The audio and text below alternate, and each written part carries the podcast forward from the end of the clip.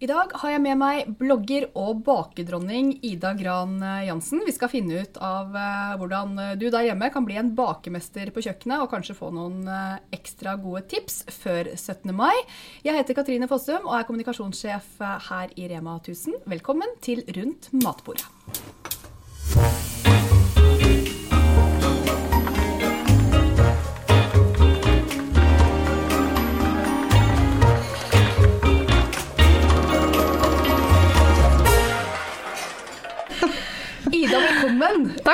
Veldig hyggelig å se deg. Du likeså.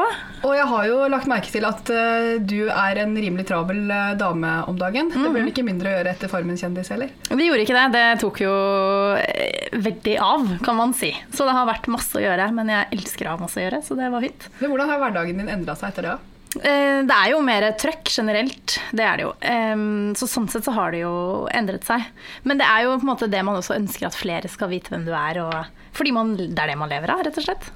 Og du lever jo av baking og kaker og, mm. og søtsaker. Ja. Eh, når var det den interessen eh, ble vakt hos deg? Hva skjedde?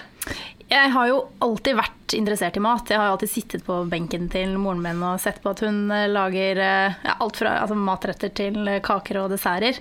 Og så um, Men det er ikke noe sånn at hun har vært helt sånn psyko mye på kjøkkenet, og hun er jo en working mom. Men um, det som har vært veldig viktig i vår familie, det er liksom kjærligheten rundt mat. Og jeg tror det er det som har satt seg veldig. At man skal alltid sitte ned rundt et middagsbord og prate sammen, og maten er lagd fra bunnen av. Det er på en måte lagt mye i måltidet. Så det tror jeg da har plantet seg videre, og gjort at jeg er såpass glad i i det søte spesielt, da, men også vanlige middager og frokoster og lunsjer. Hvis du tenker tilbake til du var liten, da. Um, mm. Når var det du fikk lov til å begynne å lage mat? og Har du noen minner rundt det? liksom? Jeg husker vi hadde en, eh, eller Broren min fikk en kokebok som var sånn Onkel Donald eh, Et eller annet sånt. Sånn kokebok. Så um, foreldrene mine har jo aldri hindret oss i å bake, så det tror jeg jeg har gjort helt siden jeg var bitte liten. Spiste smørrødt fra pakka og. Husker du den første kaken eh, du lagde? Jeg lagde veldig mye en sånn kladdkake fra denne kokeboken. Til onkel Donald? Til onkel Donald. Og muffins.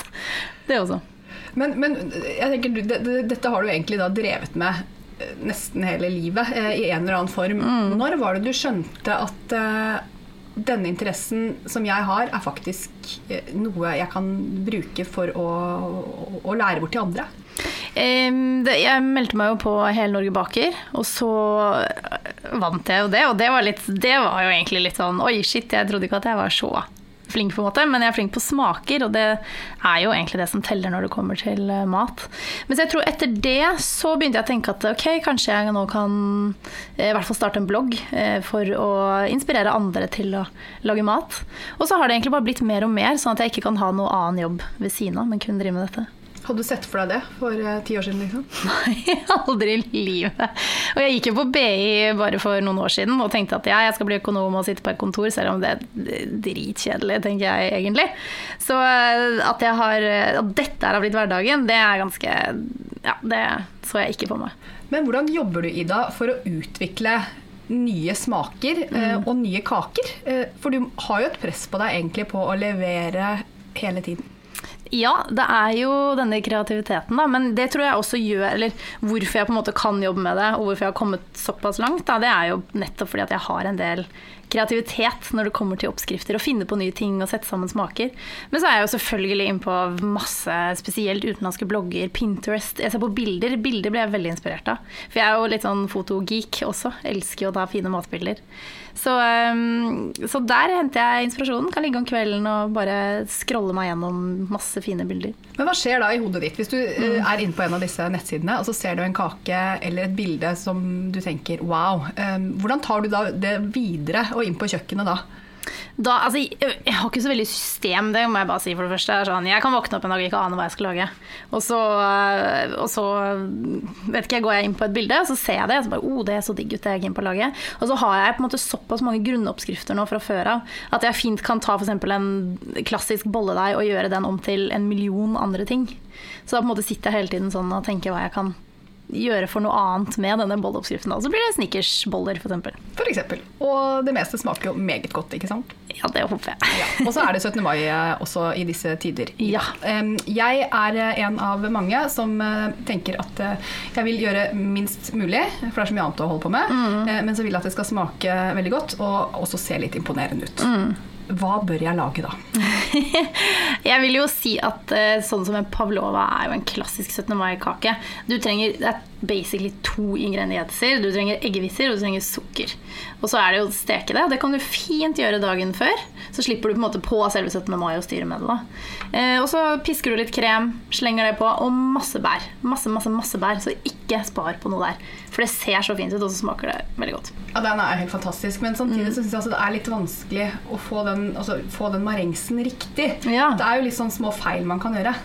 Det er noen uh, små feil, men samtidig så er de litt uh, oppskrytt også, disse feilene. Fordi, Fortell. for, ja, uh, for det har skjedd at jeg eksempel har fått egge, litt eggeplomme i eggehvitene. Og det er folk sånn Det er helt krise. Men den blir stiv for det. Uh, men Selvfølgelig ikke en hel eggeplomme, men om du får litt grann i, det er ikke krise.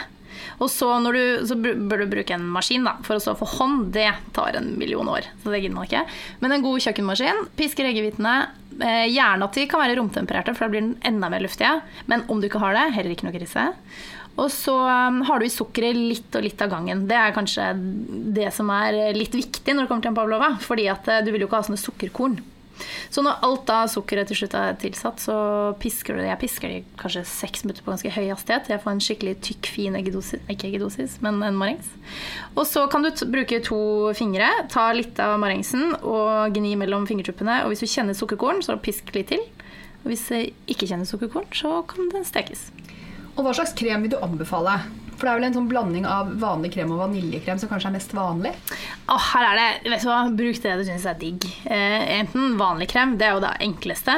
Men, eh, eller vaniljekrem, ja. Eller bringebærkrem. Fint lager sjokoladekrem også. Så her er egentlig hva du syns er godt. Og bær, da? Alt. Alt er bær, alt er krem, alt er lov. Alt er er lov. Sjokolade er lov. Ja, ja, ja. Men hvis man skal ehm, kanskje bake en kake og prøve seg på noe som ikke er så typisk 17. mai, ja. hva ville du anbefale oss da? Eh, sjokoladekaker, det er jo alltid en slager.